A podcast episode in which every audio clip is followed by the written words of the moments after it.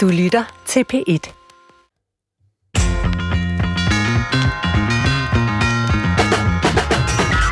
Mindfulness har på få år opnået en kolossal popularitet, som har gjort mig en smule skeptisk. Hvorfor det behov for at sidde og være til stede i nuet?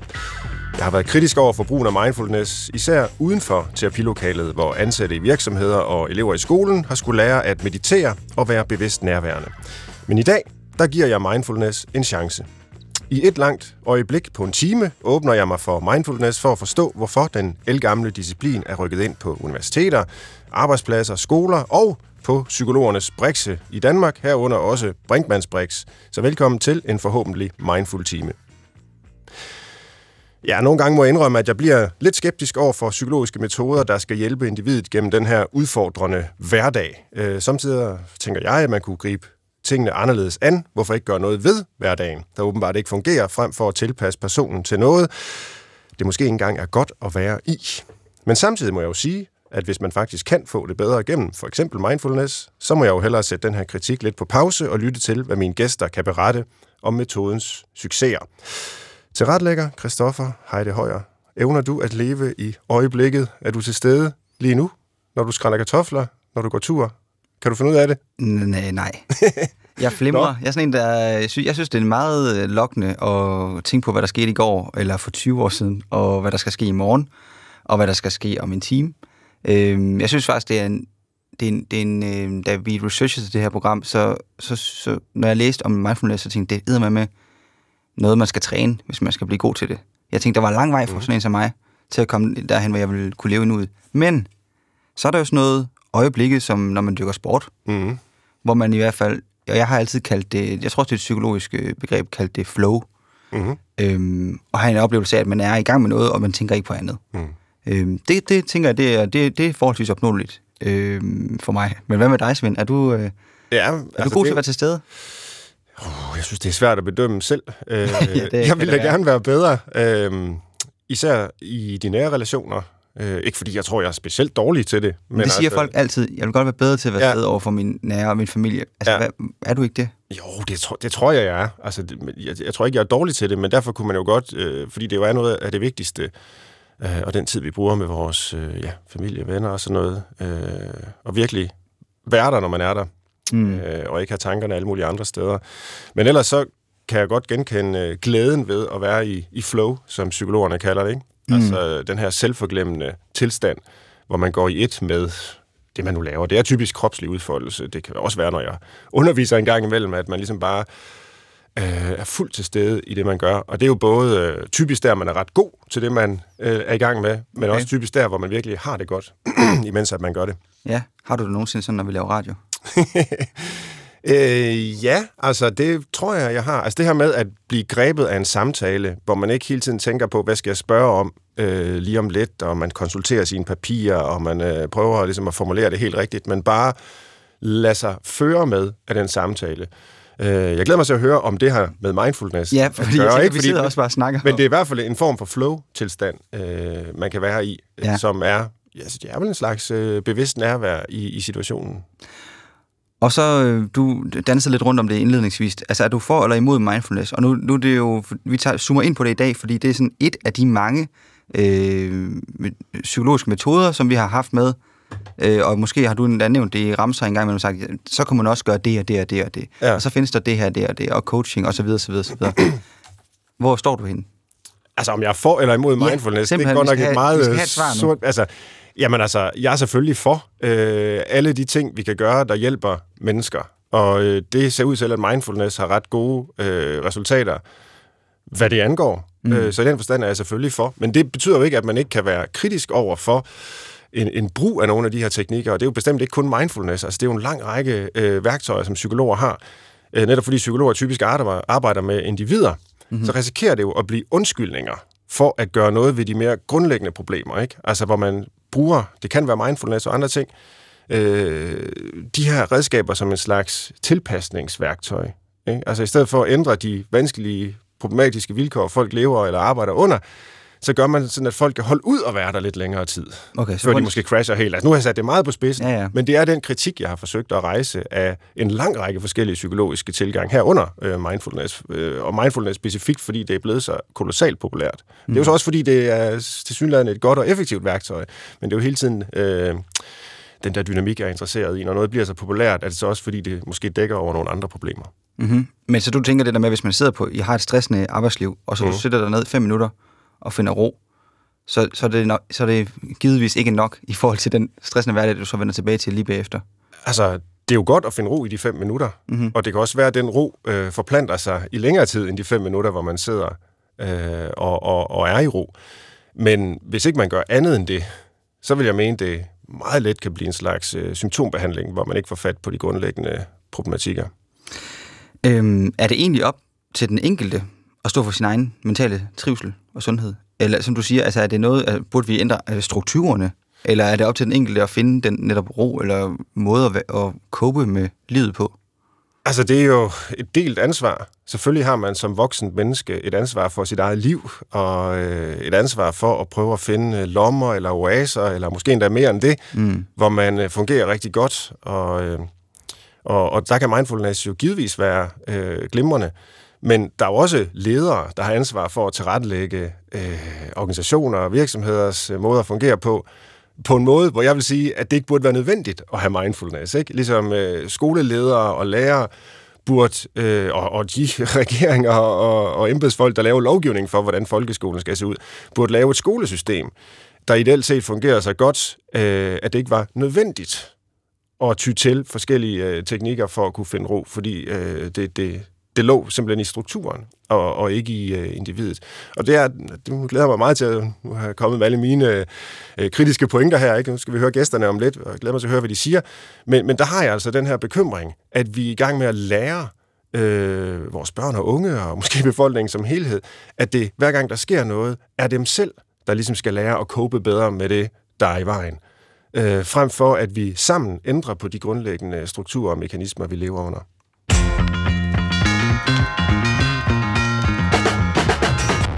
Velkommen til Brinkmanns Brix på P1. I dag har jeg inviteret to gæster, der på hver sin måde arbejder med mindfulness.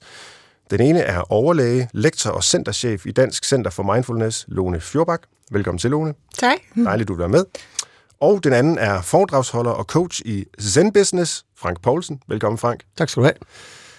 Jeg har glædet mig rigtig meget, og nu har jeg hørt alle mine kritiske øh, pointer her på forhånd øh, i vores introduktion, og så øh, er tanken selvfølgelig, at øh, I skal have lov at komme til ord og modsige mig og nuancere det, og vi sammen forhåbentlig kan blive klogere øh, på det her. Men før det, øh, før vi skal have dialogen og diskussionen, så kunne jeg godt tænke mig at høre jeres egne historier med mindfulness. Øh, for det er jo nok ikke sådan 5-6 år siden, at I stødte på det, hvilket ellers, gætter jeg på, øh, gælder for de fleste af vores lyttere. Jeg regner med, at I har kendt til det længe, øh, og længere end det. Så lad mig begynde med dig, Frank Poulsen. Hvornår stiftede du første gang bekendtskab med, med mindfulness? Jamen, det gjorde jeg, øh, det gjorde jeg for ja, 10-11 år siden. Jeg havde et øh, foredrag, jeg tog ud med, der hed No Day But Today. Det tog så lidt udgangspunkt i mit eget lidt omtumlede musikerliv, og, og noget af det, jeg fortalte om, det var, at det var vigtigt at være til stede i øjeblikket, fordi øh, i morgen ved jeg ikke, hvordan tingene ser ud, fordi der var, havde været så mange skift. Ja. Øh, og jeg havde nogle øh, øh, citater med fra Steve Jobs, som jeg gik meget op i på det tidspunkt, og synes han, havde, øh, han var et spændende menneske. Og efter et af de der foredrag, så kommer der en af mine kammerater hen og siger, ved du godt, at det du taler om, det er det, er det der mindfulness. Okay. Og så sagde jeg, nej, det, det ved jeg ikke. Og ved du også godt, at når du citerer Steve Jobs, så citerer du i virkeligheden zen-buddhisme, fordi Steve Jobs jo var zen-buddhist. Og så sagde jeg, det vidste jeg heller ikke. Og så gik jeg hjem og læste om mindfulness og zen. Øh, og, og, og, og det var faktisk sådan en, en ret stor oplevelse for mig, fordi jeg tænkte, her er simpelthen noget, der, der kan noget. Øh, her, her er en praksis øh, og en enkelhed i det. Og, og jeg begyndte... Øh, hvad skal man sige, med det samme selv at dyrke det og kunne, og kunne mærke, at, at, øh, at, at det gjorde en forskel for mig. Mm. Øhm, så, så så langt går det tilbage. Så man kan sige, at du var egentlig nået til nogle af de indsigter, der ligger i mindfulness, men via nogle andre veje, hvor du var selvlært. Ja, altså det kan man godt sige. Jeg vidste ikke, det var det, det hed. Nej, okay. og så blev jeg så interesseret i det, og så kom jeg på et kursus øh, som mindfulness-instruktør, og på det kursus fandt jeg ud af to ting, nemlig at, at, det, at det virkelig kan noget, det her. Øh, og jeg fandt også ud af, at jeg var nødt til selv at altså, sige, skulle have fingrene længere ned i det. Jeg var nødt til at selv skulle forstå det, så jeg var nødt til at finde ind til nogen, til nogen andre, der havde en større dybde i det. Øh, ja. Lone Fjordbak, hvordan mødte du så mindfulness? Øh, var det også for en 10-11 år siden? Eller? Nej, det er for 35 år siden. 35? Ja. Okay, så du er den. Ja. ja.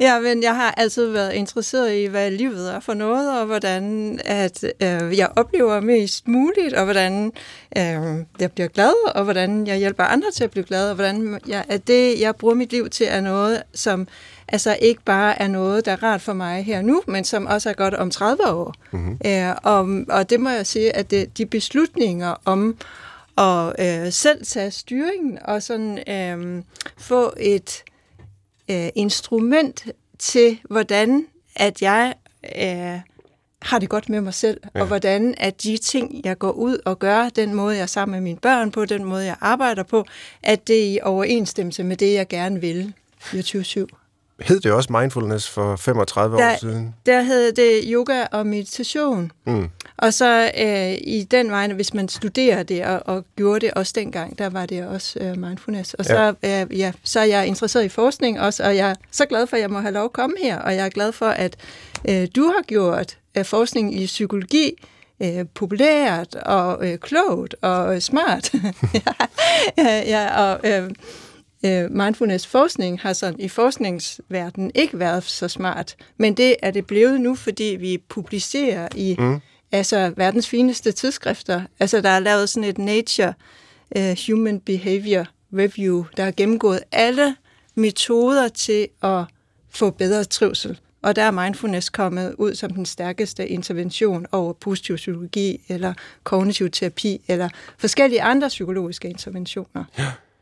Men kan du prøve at rise historien sådan ganske kort op for os, hvordan øh, det der, der så hed yoga og meditation for, for 35 år siden, ja. hvordan det er blevet kendt som mindfulness? Altså jeg læste selv for nylig nogle øh, studier af, øh, altså bare sådan nogle simple opgørelser over, øh, hvor meget begrebet optræder i, i medierne. Ja. Og der var sådan en enkelte drøb i 90'erne. Ja. Og så lige pludselig, så vokser det eksponentielt, ja. og øh, mindfulness-begrebet er pludselig overalt. Ja. Og i dag tror jeg, at langt de fleste lyttere, hvis ikke de har prøvet mindfulness, eller så har de i hvert fald hørt ordet. Ja.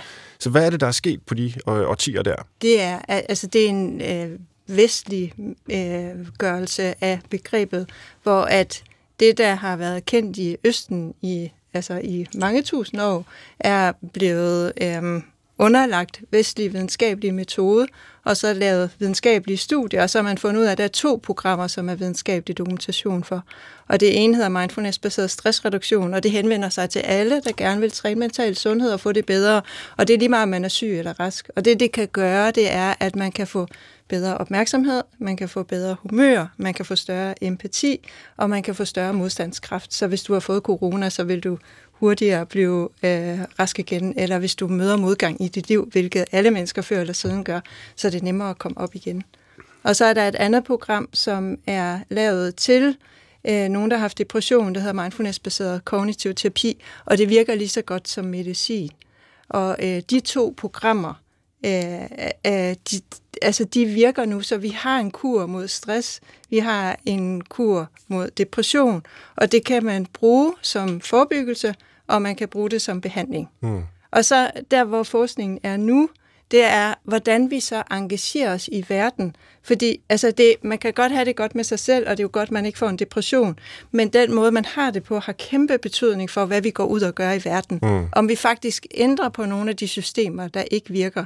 Så vi er sådan i gang med at lave forskning i, hvordan engagerer vi os i klima, hvordan engagerer vi os i social retfærdighed, hvordan øh, engagerer vi os i, at vi har rent luft og rent vand og øh, rent mad og øh, alle sådan nogle ting jeg hæftede mig bare ved, du sagde også, at øh, hvis man øh, har corona, så kan mindfulness hjælpe til at komme hurtigere igennem det.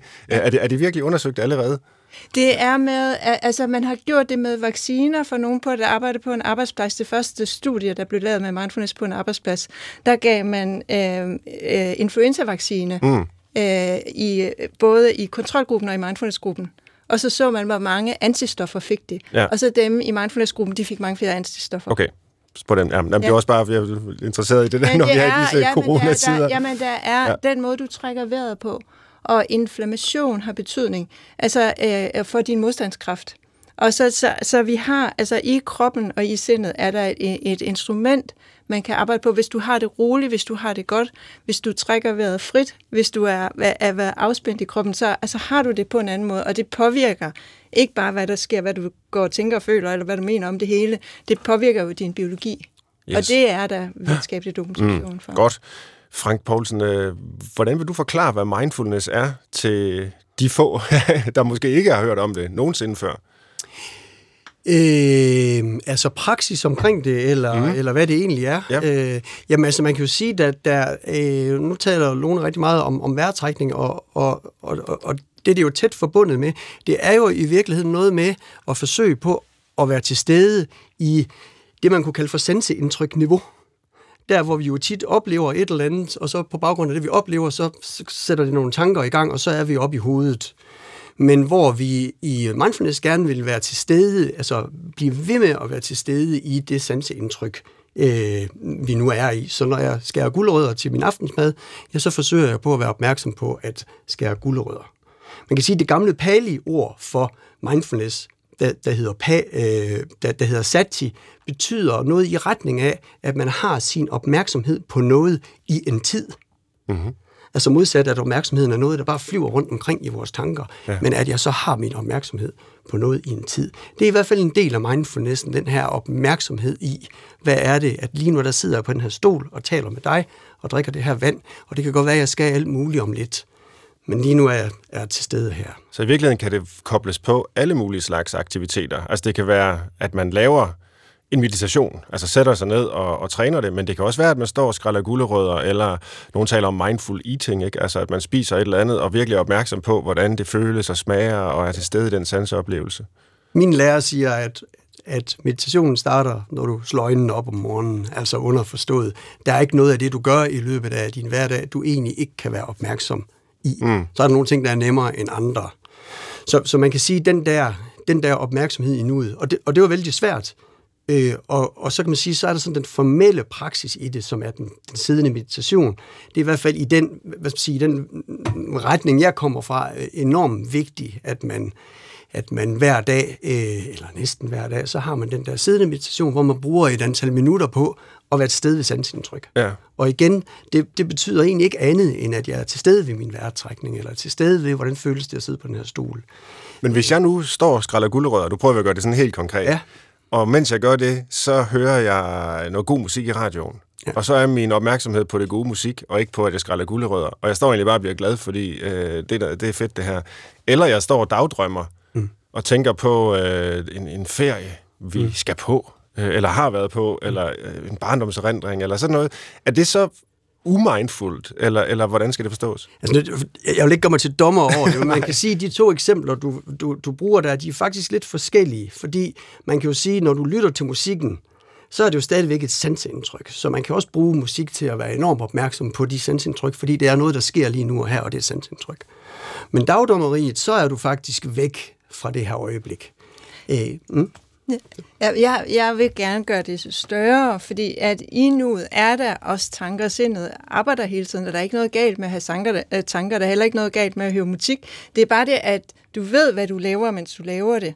Og så mindfulness er ligesom mental sundhed en metode til at udfolde sine evner og håndtere stress og bidrage til fællesskabet. Mm. Og så i mindfulness, det er at vide, at det du gør, altså at du lærer af de ting, der er sket. Så det er ikke sådan, at man skal bare holde alting ude, hvad der er sket. Du skal virkelig, du skal kende hele fortiden, sådan at du ikke behøver at gentage de samme fejl. Mm. Og så kan man møde fortiden med taknemmelighed, og man kan være i nutiden med opmærksomhed, og så kan man ansvarligt gå ind i fortiden. Så mindfulness er ikke sådan et lille mellemrum imellem to ting. Det altså, involverer hele fortiden og hele fremtiden. Så du lærer af de ting, du ved om fra fortiden, og du er til stede med ansvarlighed øh, ja. i nutiden, og ansvarligt går ind i fremtiden. Men det er som om, at begrebet både kan være meget, og nu er det bare min lægemandsbetragtning, ikke også? Altså det kan både være meget øh, smalt, og mm. Frank taler om den her siddende meditation, hvor man virkelig øh, ja, jo mediterer ja. og er mindful igennem den praksis. Øh, og så samtidig siger du også, Frank, at øh, når man slår øjnene op, jamen så begynder mindfulness, sådan mm. set. Øh, eller det kan det i hvert fald gøre. Du kan også og, definere det som liv eller som bevidsthed, og der kan du blive mere og mere bevidst om det liv, der foregår hele tiden. Mm. Og det kan også være øh, en bevidsthed, der knytter sig til ja, øh, dagdrømmeri eller ja, ja. At du bekymringer, ved det. Ja. for eksempel. Ja. Altså, ja, vi skal bekymre os om fremtiden. Jamen, det er jo det. Altså, ellers er det jo hovedløst. Altså, hvis ikke vi... Altså, ja. men, men så er det for mig i hvert fald, begrebet også begynder at altså, smutte lidt, eller så forstår jeg det ikke så godt længere. Jeg forstår godt, hvad det vil sige at sætte sig ned og meditere, og, og bare registrere sanseindtryk, og undlade at dømme om dem, og, og så videre, og gøre det i et antal minutter. Øh, men når det også bare kan referere til, at man er i live og bekymrer sig og grubler og gør alle de ting, at det også er mindfulness, eller hvad? Altså, det er det at vide, man? at du gør det. At du ved, når du grubler, når mm. du ved, når du fantaserer, når, når du ved, hvad det er, du laver, mens du laver det. Ja. Og hvilken betydning, hvilken konsekvens det har for dig lang tid frem. Okay. Og så handler det også om, øh, hvis man, øh, lad os nu sige det med guldrødderne igen, det er jo fuldstændig rigtigt, at så løber tankerne afsted. Det gør det også, når man mediterer. Også selvom man mediterer i mange år, så vil man stadigvæk opleve, at tankerne løber afsted. Men det der er forskellen her, det er, at man, at man ser, at tankerne løber afsted. Og at man ser, hvor nu løber de igen afsted til det møde, jeg skal til i morgen. Kan vide, kan vide, hvorfor jeg interesserer mig så meget for det? Eller hvor, og så, så bliver der en eller anden læring, en eller anden bevidstgørelse om, at hold op, når jeg sætter mig ned, og egentlig bare forsøger på at være til stede, så tænker jeg hele tiden på hende, der jeg snakker med i går. Kan vide, mm. kan vide, hvad det handler om. Så på den måde bliver det den der læring. Altså. Så i stedet for, at tankerne bare får lov at løbe, så begynder man i højere grad at se det, der sker i ens sind, som noget, der sker i ens sind. Og, og, og, og fordi man ser det på den måde, så begynder man også øh, langsomt at kunne hvad skal man sige, forholde sig til det, eller det, vi i hvert fald i min verden kalder for non-attachment, ikke? At, fordi at det er noget, der sker i mit sind, og det kan godt være, at jeg har, det kan være, at jeg har en idé om, at, øh, at nu skal jeg have en overfældelse af dig, men det ved jeg, det er noget, der sker i mit sind. Det er sikkert ikke det, der, er, er, er, der kommer til at ske, men fordi jeg ser, at det er noget, der sker i mit sind, så kan jeg øh, undgå at, øh, at, at, at, at blive taget til fange af, af mm. den tanke. Og hvad nu, hvis man øh, ikke er særlig god til at være bevidst til stede og registrere sine tanker osv., men bare tænker uden at være opmærksom på det, eller ja, gør det modsatte af det, I beskriver som mindfulness. Hvad er, hvad er egentlig problemet med det? Lone, hvad, Ja, altså det, problemet er jo, at vi øh, altså siden 97 har målt den mentale sundhed hos børn og unge, og hver år bare kan konstatere, at flere og flere får det dårligt. Øh, altså hvis man måler, øh, hvor meget vi vejer, for eksempel, så har vi aldrig været så overvægtige, som vi er nu. Øh, der er rigtig mange, der har problemer med alkohol. Der er rigtig mange, som altså, har alt det, de drømmer om, man ikke forstår at nyde det. Altså helt kollektivt, så gør vi jo simpelthen så mange dumme ting, som egentlig ikke er det, vi gerne vil. Så hvis ikke vi er i kontakt med os selv, jamen så kan vi få en spirituel krise, hvor at vi kan risikere stress, angst og depression. Når vi ikke er i kontakt med hinanden, så kan vi få økonomiske kriser og social uretfærdighed og sådan noget. Når vi ikke er i kontakt med jorden, jamen så kan vi ødelægge den. Øh, og, og altså, det er jo de ting, der sker, som ingen er interesseret i. Der er jo ikke nogen, der ikke er interesseret i, at vi ikke har, vi har et godt miljø, eller mm. børnene har det dårligt, eller at øh, altså, vi jo, går jo alle sammen ind for godt miljø og ren kærlighed, og vi skal passe på børnene, men det bliver bare ikke de ting, vi gør. Mm. Så siger vi, at jeg har så travlt, jeg må gøre det her, jeg må holde fast på de ting, jeg har, og så, øh, så når jeg øh, har fået alt mit, jamen så, øh, så er det der, hvor det er tid til at være etisk og gøre nogle gode ting. Men hvis vi aldrig når dertil, fordi vi er så bange, og så vi reagerer på frygt eller reagerer på aggression, i stedet for at reagere med opmærksomhed og ansvarlighed. Og, og det er rigtig meget det, der sker kollektivt. Har, har, det, har det været en øh, periode, hvor folk var mere mindful? Altså ikke fordi de sad og mediterede mere, det gjorde man jo nok ikke for 50-100 år siden i særlig stor grad, men, men var der bare mere naturlig, øh, hvad kan man sige, var, var miljøet, vores liv, mere naturligt tilrettelagt på en, på en mindful måde for os, eller hvad? Det tror jeg, det har været ved, at vi har haft jord i, mellem hænderne, at vi har været, øh, også haft været mere sammen, og det, er heller, der har også været meditation.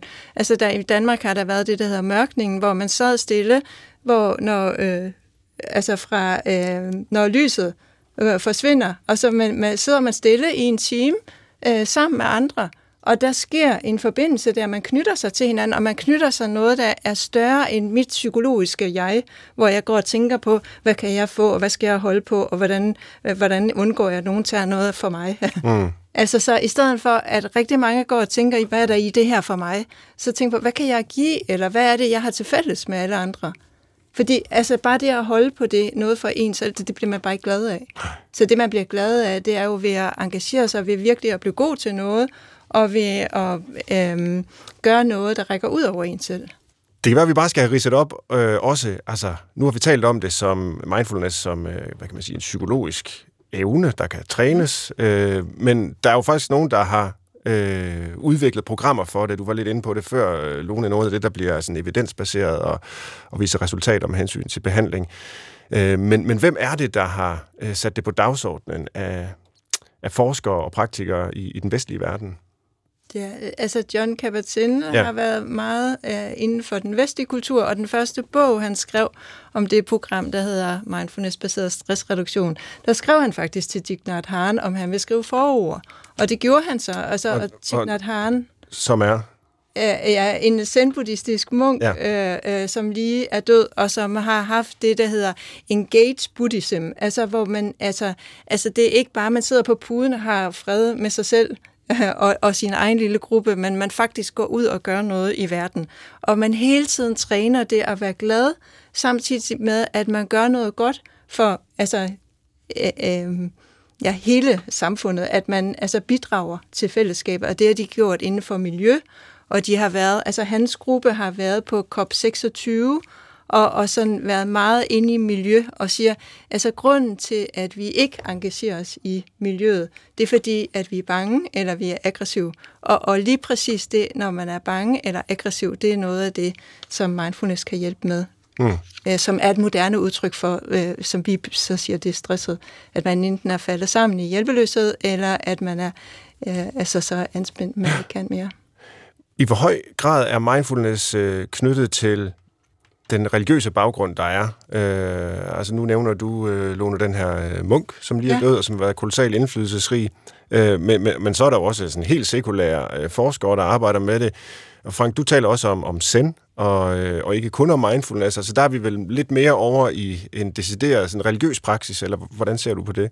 Ja, og, og det kommer jo lidt an på, hvordan vi definerer religion. Ja. Fordi man kan sige, definerer vi religion som, at der er noget ekstra til stede, så kan man sige, at zen-buddhisme er jo, er jo da i hvert fald renset for den del af det, for det findes ikke i zen. Øh, men, men man kan jo sige, at, at jeg, jeg tror, at de fleste kan være enige om, at, at mindfulness især er blevet i talesæt i buddhismen. Altså det er simpelthen en af de der otte punkter, der ligger i buddhismen. Så på den måde kan man sige, at tankerne omkring det der med ikke at være en slave af sit eget sind, og ikke at blive trukket rundt i manesien af sine følelser, ja, ja det, det går i virkeligheden, øh, altså det, det blev sådan meget øh, tydeligt i talesat for 2600 år siden, og det synes jeg også, det kaster også lidt lys ind over øh, det her med, at selvfølgelig har, at, har det accelereret i dag med vores arbejdsliv og vores telefoner og alt det, vi skal i dag, men, men, men det, er altså, det er altså noget, man er begyndt at arbejde med for, øh, for 3.000 år siden. Mm. Øh, så, så, så det har jo hele tiden ligget øh, øh, som en nødvendig ting, eller i hvert fald som en rigtig øh, god ting at, at arbejde med. Øh, så, og, og, og det er jo så der, hvor de fleste de, hvad skal man sige, tager mindfulnessen ud af, af buddhismen og bruger den som et, et, hvad skal man sige, som et redskab. Og det, det tænker jeg, at, at, at de har meget held med. Ja. Jeg, har, jeg har været optaget af at, øh, at have den her sendretning på, fordi at det har, det har givet mig noget mere, og noget mere sådan retning i, i mindfulnessen. Så det har meget været øh, Tigner Hansen, Lone lige har fortalt om, som, som har været den, den retning for ja. mig det er en munk, der som lige ja, ja, præcis. Men der i Zen, altså der er to retninger inden for Zen, og hvis man sådan, altså snakker om Zen, så er above all it, it's a religion. Altså der det, man kan bruge det til at få bedre mental sundhed, man kan blive, bruge det til at få, blive bedre til de ting, man laver, Øh, og så, og, og, øh, men, men det, altså, det, nogle sådan historikere beskriver det meget som en religion. Ikke som noget, man tror på, men som en praksis. Ja, det er jo et stort spørgsmål i sig selv, hvordan man ja, definerer en religion. Og der er, det, ja. øh, altså, der er den ene, som er meget strikt, altså hvor at man, man sidder og træner, og så får du en øh, hak over skulderen, når ja, ja. du falder væk. Og så er der en anden, hvor du får stiller nogle spørgsmål, og hele tiden bliver tjekket i det, du gør. Og altså de, en koan. Ja, og der, de spørgsmål er, det er, hvem er du? Eller hvad er det? Og det skal du demonstrere, så du går til eksamen ved en lærer hele tiden, der så ja. altså, viser, at du, altså, du skal kunne demonstrere, at du kan være til stede. Så man kan måske sige, øh, man kan godt praktisere mindfulness, arbejde med det, uden at være buddhist, men man kan ikke være buddhist, ja. uden at arbejde med mindfulness på en eller anden måde, fordi det, det ligger i, i... Der er også masser af forskellige måder at være det på. Altså, okay, der, okay. Ja, ja, så, så det er mere og meditation er ja. ikke bare meditation, så det, det er mere øh, komplekst. Hvis jeg må bare drøbe lidt malurt i bæret, ja. så er noget af det, jeg... Øh, fordi jeg, led, jeg, jeg har sådan den her øh, trælse tilbøjelighed til altid at lede efter øh, problemer og fejl og mangler og sådan noget. Og, og hvis mindfulness kan give glæde og indhold og engagement i livet sammen med andre, øh, så er det selvfølgelig kun noget, man kan gå ind for. Men så har jeg også læst de der undersøgelser, der viser, at, eller ikke undersøgelser, men øh, rapporter, der viser, at øh, finskytter, snigskytter i den amerikanske her, øh, for eksempel anvender mindfulness til bedre at kunne ramme deres mål og slå andre mennesker ihjel. Altså, øh, det, det er vel også en del af øh, sådan en praksis. Altså, det, det er jo ikke øh, jeres skyld, eller nogen, der arbejder ja. med mindfulness skyld, men, men bare for at problematisere øh, ja. det her måske sådan lidt glansbillede af, at det i sig selv er godt med mindfulness. Altså, det afhænger vel af, hvad man bruger det til. Helt sikkert. Og jeg, altså, jeg har arbejdet med den amerikanske her, og jeg har arbejdet med det danske militær. Og, og det, altså, da vi først så spurgte vi Dalai Lama, altså, hvad, hvad, er, er det en god ting? Og det tænkte de over rigtig længe, og det er ikke alle, der synes, det er en god ting. Øh, men, men det, der er kommet ud af det, er, hvis nu at soldaten er mere mindful, så skyder de færre mennesker. Det, der er rigtig problemer omkring stress i forhold til militær, det er uetisk adfærd, og det engagerer de sig mindre i, øh, hvis det er, at de er mindful.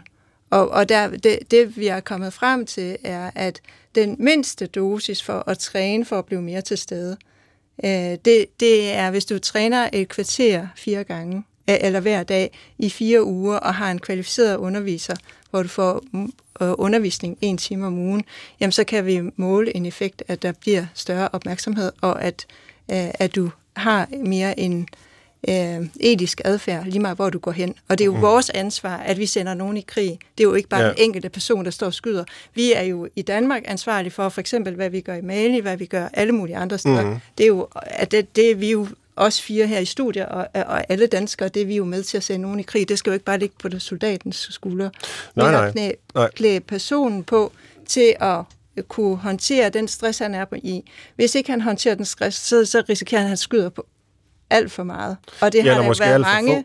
Altså det traditionelle ja. problem for soldater, det er jo, at de rammer ved siden af med vilje. Fordi når de først er ude i, øh, i kamp, ja. øh, så ønsker de faktisk ikke at slå et andet menneske ihjel. Øh, så, så rigtig mange skyder over ved siden af med vilje, har man vist. ikke. Og så skulle det her mindfulness gerne hjælpe til, at man faktisk ramte.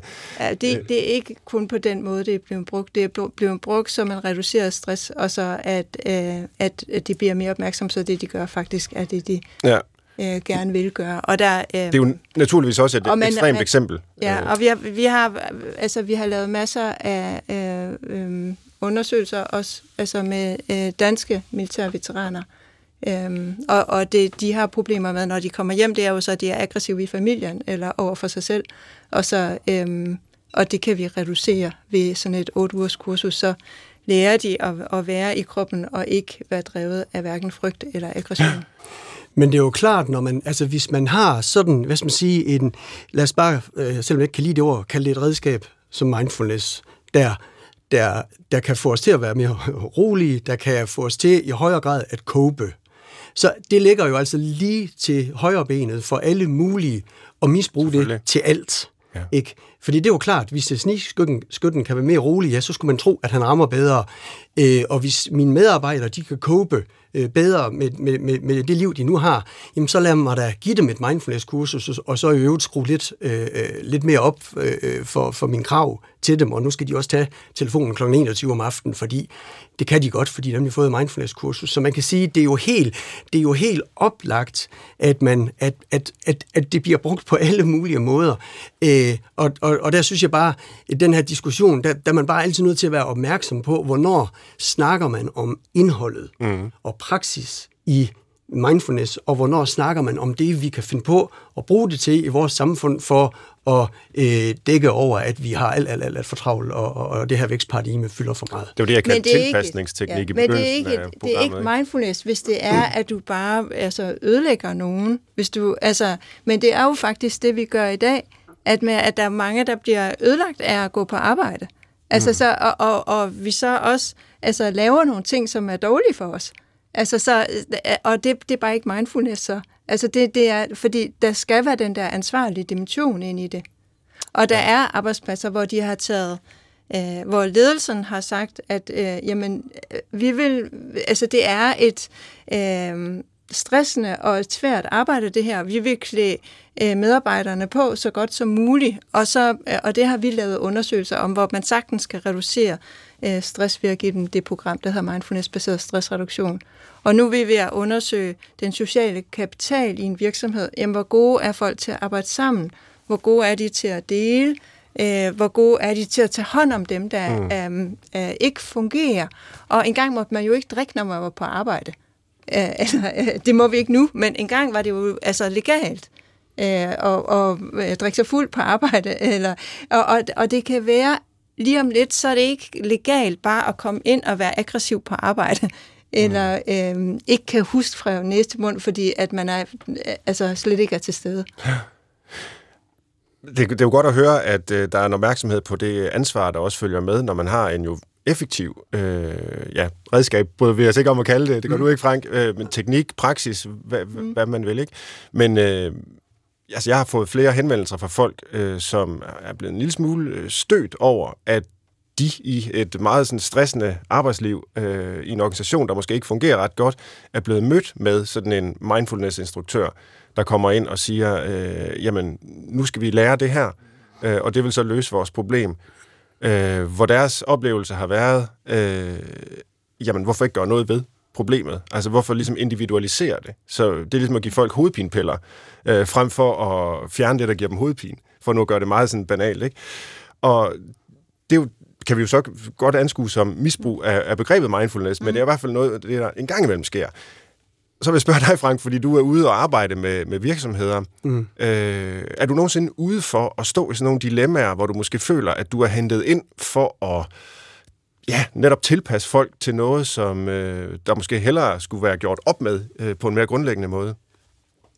Jamen, jeg synes, jeg er heldig, at der ikke er nogen, der ringer til mig af den grund. Mm. Og hvis jeg fornemmer, at det er sådan, der er, så, så, så vil jeg jo gerne tale med dem om, at, at, at det ikke er sådan, klaveret spiller, fordi så, så bliver det nemlig til noget andet end mindfulness, hvis, hvis man ligesom skulle forestille sig, at jeg med, med det, jeg underviser ind, i, skulle, skulle ind og optimere på folk. Det ville være meget, øh, meget forkert. Men jeg, jeg plejer jo sådan helt, helt lavpraktisk at tale om, at der er nogle indre, nogle indre forhold, øh, og, og, og det er den måde, man kan cope med ting på. Men der er jo også nogle ydre øh, omstændigheder. Ikke? Og, og, ja. og, og så, så hvis jeg skal ud på en virksomhed, så vil jeg jo gerne have lov til at kigge på, på begge dele.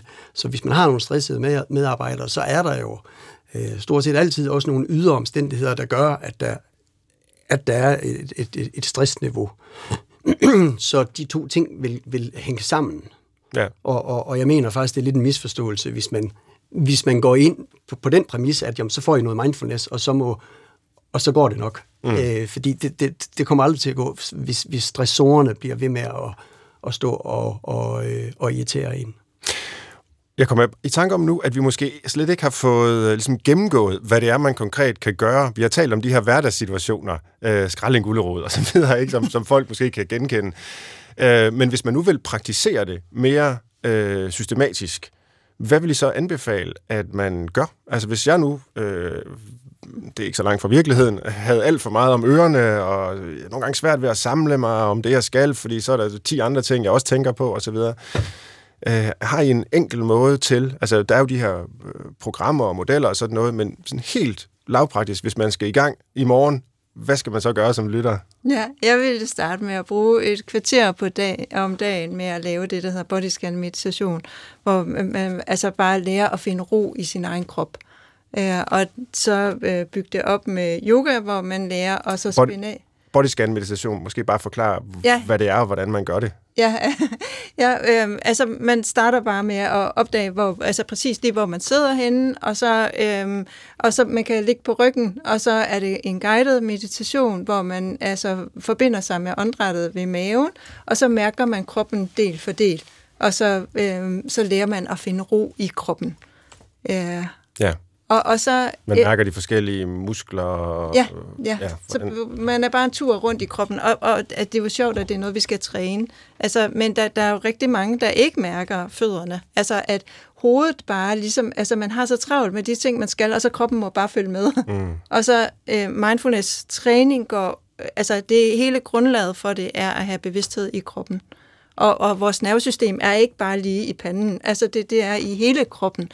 Så, og, og, der, og, og, og så lære at finde ro i kroppen, øhm, er en træning både i opmærksomhed og i at være til stede, fordi kroppen er altid her nu, selvom at sindet kan være på månen, eller i vikingetiden, eller alle mulige steder. Mm. Så det at få opmærksomhed ind i kroppen og være til stede i kroppen, det giver ro og øhm, tilstedeværelse.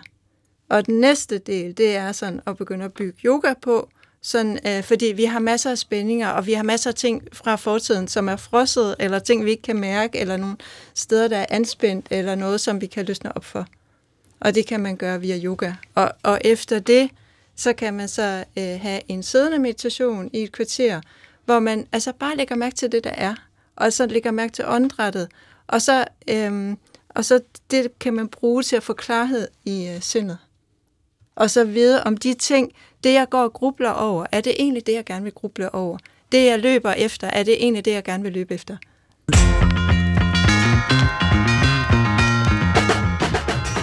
Du lytter til Brinkmanns Brix på P1. I dag med centerchef i Dansk Center for Mindfulness, Lone Fjordbak, og manden bag Zen Business, Frank Poulsen. Derudover har vi som altid tilrettelægger Christoffer Heide Højer med i studiet, og du er forhåbentlig bevidst nærværende til stede lige nu er her, Christoffer? Jeg kigger lige rundt og kigger i øjnene, så jeg har bevist det i hvert fald, som man hilser i Massador. Øhm, hvem har ikke brug for mindfulness? Fordi det lyder som en, øh, i går så en mirakelkur, der er endda øh, videnskabelig bevis for det. Ja. Jeg synes ikke, det er nogen mirakelkur, øh, fordi det, det tror jeg ikke på, at der er noget, der er, men jeg synes, det er en måde, hvor øh, at man kan tage, at, øh, altså igen det her med, at jeg i mindre grad bliver styret af, hvad der nu lige er til stede i mit sind. Det kan være, at jeg bliver vred på dig, og så siger jeg noget til dig nu ud af min vrede, og i morgen så ringer jeg måske til dig og siger, du må undskylde det, jeg sagde i går, men jeg var så vred. Og det er jo egentlig en måde at sige på, i går var, var jeg i min følelsesvold, der var det vreden, der var i førersædet. Øhm, det, det er sådan en af de ting, som, som, hvad skal man sige, som, som det her hjælper med, at jeg i højere grad kan være opmærksom på, hvad det er, der er til stede i mit sind, så jeg ikke mm, som, som noget, der er til stede i mit sind, så jeg ikke på den måde bare handler ud af det.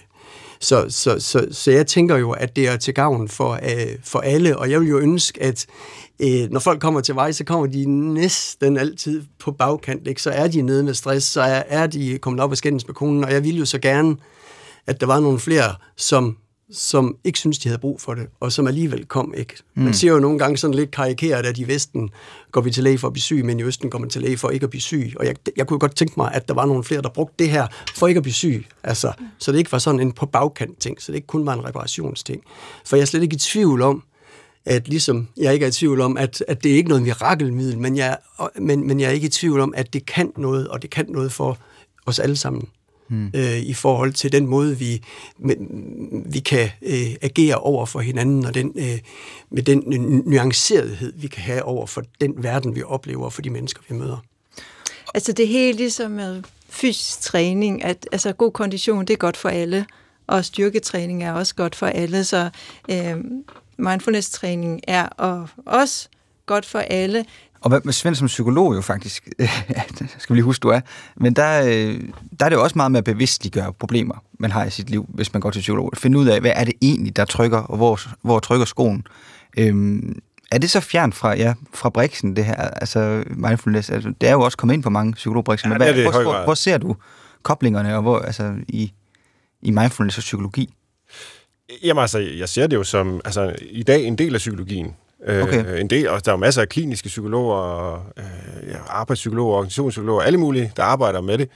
Øh, så på den måde er det jo virkelig kommet ind i familien. Øh, altså vores værktøjskasse, nu det er en problematisk metafor, ikke? men den, den udvider sig jo og udvikler sig hele tiden. Øhm, men, men det du siger, altså, der er sådan nogle teorier om, at man skal blive sine problemer bevidst. Altså, øh, det, det, det er jo en anden form for bevidsthed, man taler om der, hmm. end den, som øh, Lone og, og Frank har, har talt om i dag, øh, som er mere en, altså en kropsligt funderet bevidsthed. Ikke? Altså, så, så det der ord bevidsthed kan betyde utrolig mange ting, og bevidstgørelse kan være utrolig mange forskellige ting.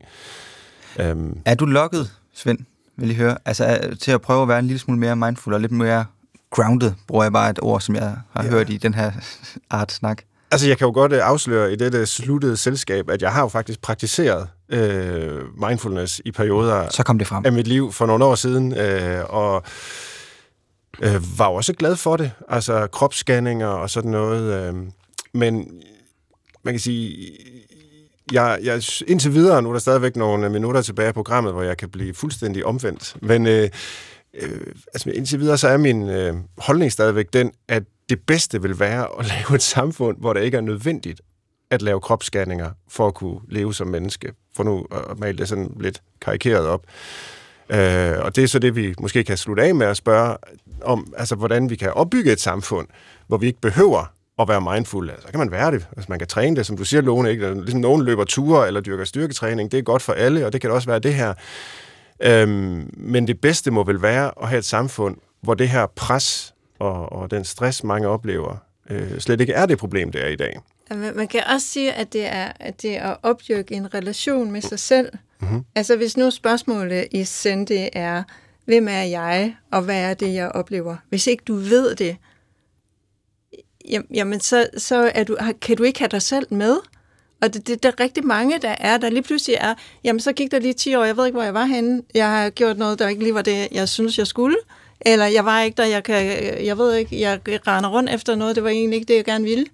Så det altså virkelig at vide, hvad der sker i dig selv, mens det sker, og vide, hvem du er, og hvad det er, du gerne vil. Og det er ikke noget, du kan tænke dig til. Altså, det er en træning. Ligesom hvis det er, at vi glemmer at bevæge os. Mm. Så hvis vi glemmer, altså, så, så bliver vi jo, kommer vi jo i dårlig form. Så på samme måde, hvis vi altså ikke bruger tid med os selv, hvis, hvis vi glemmer at være stille, hvis vi glemmer at, at, at, at, at synge og danse og, og lytte til historier. Hvorfor nogle historier? Også dem, der foregår internt, og lytte til musikken af stillhed. Jamen, så er det ikke sikkert, at vi har os selv med i de ting, vi laver. Og det er en træning, som vi aldrig kommer udenom, tror jeg, hvis man sådan vil, altså ud over bare, hvad jeg har lyst til her nu.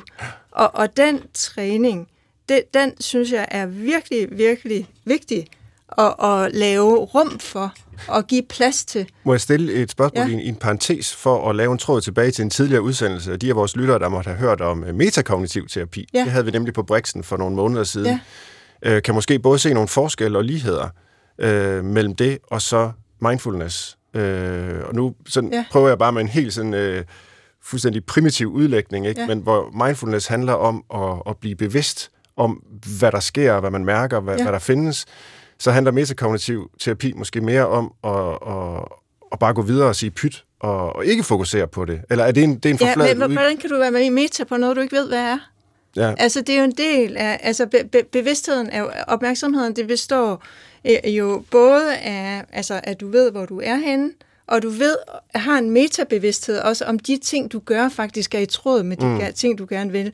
Og så ved du noget om, hvor meget dit stressniveau, hvor højt det er, så at du kan berolige det, hvis det er. Mm. Du ved noget om dit humør, så du kan regulere det. Men det er jo bare interessant, at ja. de metakognitive øh, terapeuter ja. kommer jo også med meget stærk evidens for, at deres metode virker, selvom den ser ud til, i hvert fald udefra betragtet, og anbefale næsten det modsatte. Ja, men der er kun, der er kun nogle ganske få randomiserede studier omkring det, hvor at der er over 100 studier med mindfulness-baseret øh, stressreduktion og ja. mindfulness-baseret kognitiv Vi må lave et øh, behandlertopmøde på et tidspunkt, ja. der, hvor vi kan få de forskellige. Ja. Fordi men det er, jo, det er jo fint, at der er flere forskellige, så det er mere en måde, ja. at, hvor man ser på tænkningen, Akkurat. hvor at tænkningen er kun en lille del af bevidstheden. Frank? Men altså tilbage til, til, til det andet spørgsmål der, så synes jeg jo, så længe man har den her, i, altså dels sådan helt overordnet den her vækstparadigme, ikke? Men, men, men jeg synes jo i virkeligheden, der mangler der mangler information på mange, eller mangler viden på mange måder, fordi vi kører jo også ud i erhvervslivet blindt efter den her lean-model, ikke? Altså hvis vi kan effektivisere, og det er jo i virkeligheden nogle ydre ting, vi effektiviserer på. Ja. Og, og, og, og der, hvor i min optik, hvor vi går galt i lean, det er jo, at vi glemmer, at mennesker er mennesker, og ikke bare en dyr øh, maskine, vi har købt ind, som, som så selvfølgelig skal køre hele tiden. Øh, så klipsmaskinen skal måske netop stå inde på nabokontoret, og ikke her ved siden af, som man ellers siger i lean. Øh, så, så, så, så for mig, der er der også, der, der er simpelthen mangel på, på viden i forhold til, hvordan vi, altså, hvordan vi fungerer som mennesker. Øh, så så så længe vi så har et, et, et, en, en, en, en ting med, at vi skal vækste, ja, så vil det blive direkte omsat til, at så skal vi arbejde noget mere. Mm. Øh, eller vi skal have længere, øh, vi skal optimere på forholdene omkring det. det. Det hjælper bare ikke noget, og så får vi syge medarbejdere, så i virkeligheden så går det i den grad ud over, over bundlinjen. Så, så, så jeg ville så gerne, at, at, at, at man kunne skubbe noget mere viden ind, og det, det er ymygt prøver på nogle steder at skubbe noget mere viden ind på, at, at, at hvis vi vender det på hovedet, så kan det være, at der er nogle medarbejdere, der kan nogle af de her ting, og som rent faktisk er glade mennesker og som derfor måske ikke bliver så syge, og som måske derfor godt vil blive på den her virksomhed i noget tid. Øh, så, så, så et eller andet sted, selvom jeg næsten ikke tør at sige det, så taler det her også ned til en bundlinje, men ikke den der direkte vej med, at nu får I noget mindfulness, og så kan I producere noget mere. Men at man i højere grad kan implementere hele den her tænkning i en virksomhed. Ja. Mm. Verdens Sundhedsorganisation, WHO, de anbefaler, at altså, sundhed og trivsel, det er jo et verdensmål nummer tre, og det, derfor skal vi altså, promovere mental sundhed, og vi skal forebygge depression. Og det skal man gøre der, hvor folk de er, og det er i skoler og på arbejdspladser mm. og øh, steder. Og det, det, jeg sådan argumenterer for, det er meget at gøre det med evidens, og så gøre det med veluddannede undervisere. Og så det, det, det, det Tror jeg, vi fortsat vil tale om mindfulness om, om 20 år, 30 år for eksempel? Øh, eller vil det, hvad kan man sige, bare blive... Øh, vil det ændre navn? Vil det blive en del af nogle andre øh, skoler? Øh, altså, det jeg begyndte at læse psykologi i 90'erne, der var kognitiv øh, terapi øh, nyt og smart og evidensbaseret, og det gik i gang, ikke? Og så har det sådan bølget med forskellige retninger og øh, teknikker og så videre. Det er jo selvfølgelig helt øh, forkert af mig at ja, bede om at lægge jeres egen kan man sige, levebrød i graven, og det vil jeg heller ikke. Men, men det kan jo godt være, at sådan noget som mindfulness vil finde sammen med, med andre ting, og det har det jo også allerede gjort. Øh, ja. men, men vil det stadigvæk være et ord, ja, som det... folk kender om 30 år? Det er jeg sikker på. Ja. Og så vil det være koblet til compassion. Fordi hvis ikke at der er compassion med, hvis ikke du gør det, det, der kommer ud af din adfærd, det er til gavn både for dig selv og for andre, så er det ikke mindfulness. Og det er, altså, det er en ny stor ting, og vi har lavet det største videnskabelige studie om compassion, der viser, at hvis du virkelig vil have det godt, så skal du gøre noget godt for andre. Mangler vi så ikke et dansk ord for det? Nej, vi har valgt ikke at oversætte hverken mindfulness og compassion, fordi at mindfulness er meget mere en opmærksomhed, og compassion er meget mere en medfølelse. Det er noget, der rækker tilbage til nogle rødder, så, så folk for 3.000 år siden havde kæmpet også med, jamen, hvordan skal jeg leve mit liv og være mm, altså, bedst muligt til gavn for andre? Hvordan... Øh, øh, hvad vil det sige at være menneske? Og nogle af de ting, der det er taget ud og vestlig, vestlig gjort på en måde, hvor det bliver tilgængeligt. Øh, men det gør ikke, at man ikke at man bare kan lære det uden at træne. Altså ligesom man kan ikke blive rigtig god til at spille musik uden at, og virkelig træne, uden at have en dygtig lærer, uden at studere, og uden at gøre det sammen med andre. Og det, det er det, vi bruger de her metoder til at øh, sætte tilgængeligt for folk. Ja, vi skal til at runde af nu, og nu siger du musik, og jeg har opdaget i dag, øh, før vi gik i studiet, at Frank Poulsen, som vi har haft med som gæst, var musiklærer for mig i øh, ungdomsklubben, og vi har ikke set hinanden siden. Øh, så det er alene har været kæmpe stort for mig, og jeg har fået et gensyn med min gamle musiklærer der. Øh, men, men det vi slutter af med, og så kan du få lov at lægge for, Frank, hvis du har input til den her liste, hvor I nærmest bliver bedt om at sige det modsatte af, hvad I mener. Men altså, tre gode råd til aldrig at være til stede i øjeblikket. Øh, ja. Hvad opnår man ved det? Eller hvorfor skulle man gøre det? La, var det ikke mere? Øh, jo, altså... Aldrig. Hvorfor? Ja. Hvor, ja, tre gode råd til ikke at være til stede Lige i... Uh, ja, præcis. Ja. Og, og, øh, og sådan som jeg forstod det, så skulle man i stedet for at være til stede i fremtiden og i, i, i fortiden, ja. og, og tak ja. for at ødelægge min weekend med den opgave, det har været rigtig sjovt. det har du tænkt over. Det er jeg godt. er kommet frem til, at øh, jeg tror, man skal have det mantra, der hedder, og man kan eventuelt øh, øh, tatovere det på ens håndryg, så, så man hele tiden kan, kan se det, det mantra, der hedder, alle omkring mig skal være glade, og det er mit ansvar. Mm. Så tænker jeg nok, at man får placeret sig et sted, hvor øh, at man hele tiden er bekymret for, hvordan skal det gå i morgen, hvor både øh, øh, min kæreste gerne vil se mig, og at der er nye øh, opgaver ja. på arbejdspladsen. Øh, og, øh, og, og, og, og luksusen i at være et sted i øjeblikket, den er der i hvert fald ikke tid til. Det er et godt input. Øh, du har det totale ansvar for andres glæde rundt omkring dig. Fuldstændig. Ja. Hmm. Lone, har du et input til, øh, hvorfor man aldrig skal være til stede i øjeblikket? Ja, altså vi skal tage fortiden på os, og så skal vi rydde op. Og i 2000 år, der har kvinder ikke haft en stemme, så det var sådan et sted, man kan rydde op i. Ja, så i 400 år, der er der forskellige befolkningsgrupper, der ikke har haft en stemme, og det er også ting, der trænger til at blive ryddet op i. Mm. Og så i uh, 50 år, der har vi jo så uh, uh, været virkelig hårde ved naturen, og, og som vi har virkelig store problemer med ja. nu, og det synes jeg også, vi skal rydde op i.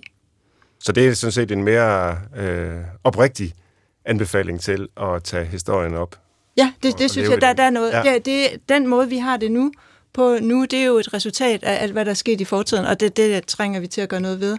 Og der, det skal vi skal slet ikke tænke på, hvordan vi har det nu. Der skal vi tænke på, hvorfor nogle konsekvenser det, vi gør nu, det har i fremtiden. Så der skal vi have fremtiden med ind hele tiden i alt, hvad vi gør. Mm-hmm. Fordi det skal det, både være fortidsbestemte og, og fremtidsrettede. Ja, 100 procent. Altså, det giver ingen mening bare at være her, og så ikke tænke på, hvad vi har gjort tidligere, eller hvad der kommer til at ske fremover det synes jeg var en rigtig fin udgang, at vi både fik øh, den måske satiriske vinkel på det, og den øh, oprigtige. Så tusind tak til jer begge to. Velbekomme. Og tak til lytterne derude. I har jo lyttet til Brinkmanns Brix på P1 i dag med overlæge, lektor og centerchef i Dansk Center for Mindfulness, Lone Fjordbak, og foredragsholder og coach øh, i Zen Business, og min tidligere musikunderviser, Frank Poulsen. I lyttere er velkomne til at komme med ris, ros og programforslag på Brinkmanns Brix. Snabelag hedder det, dr.dk. I kan også gå ind i DR Lyd og lytte til mange flere af vores programmer ved at trykke på det lyserøde billede af mig, der hopper over en brix. Til retlægger i dag, som altid, var Christoffer Heide Højer. Jeg hedder Svend Brinkmann. Tak for det her timelange øjeblik, vi fik sammen. Jeg håber, vi lyttes ved i næste uge.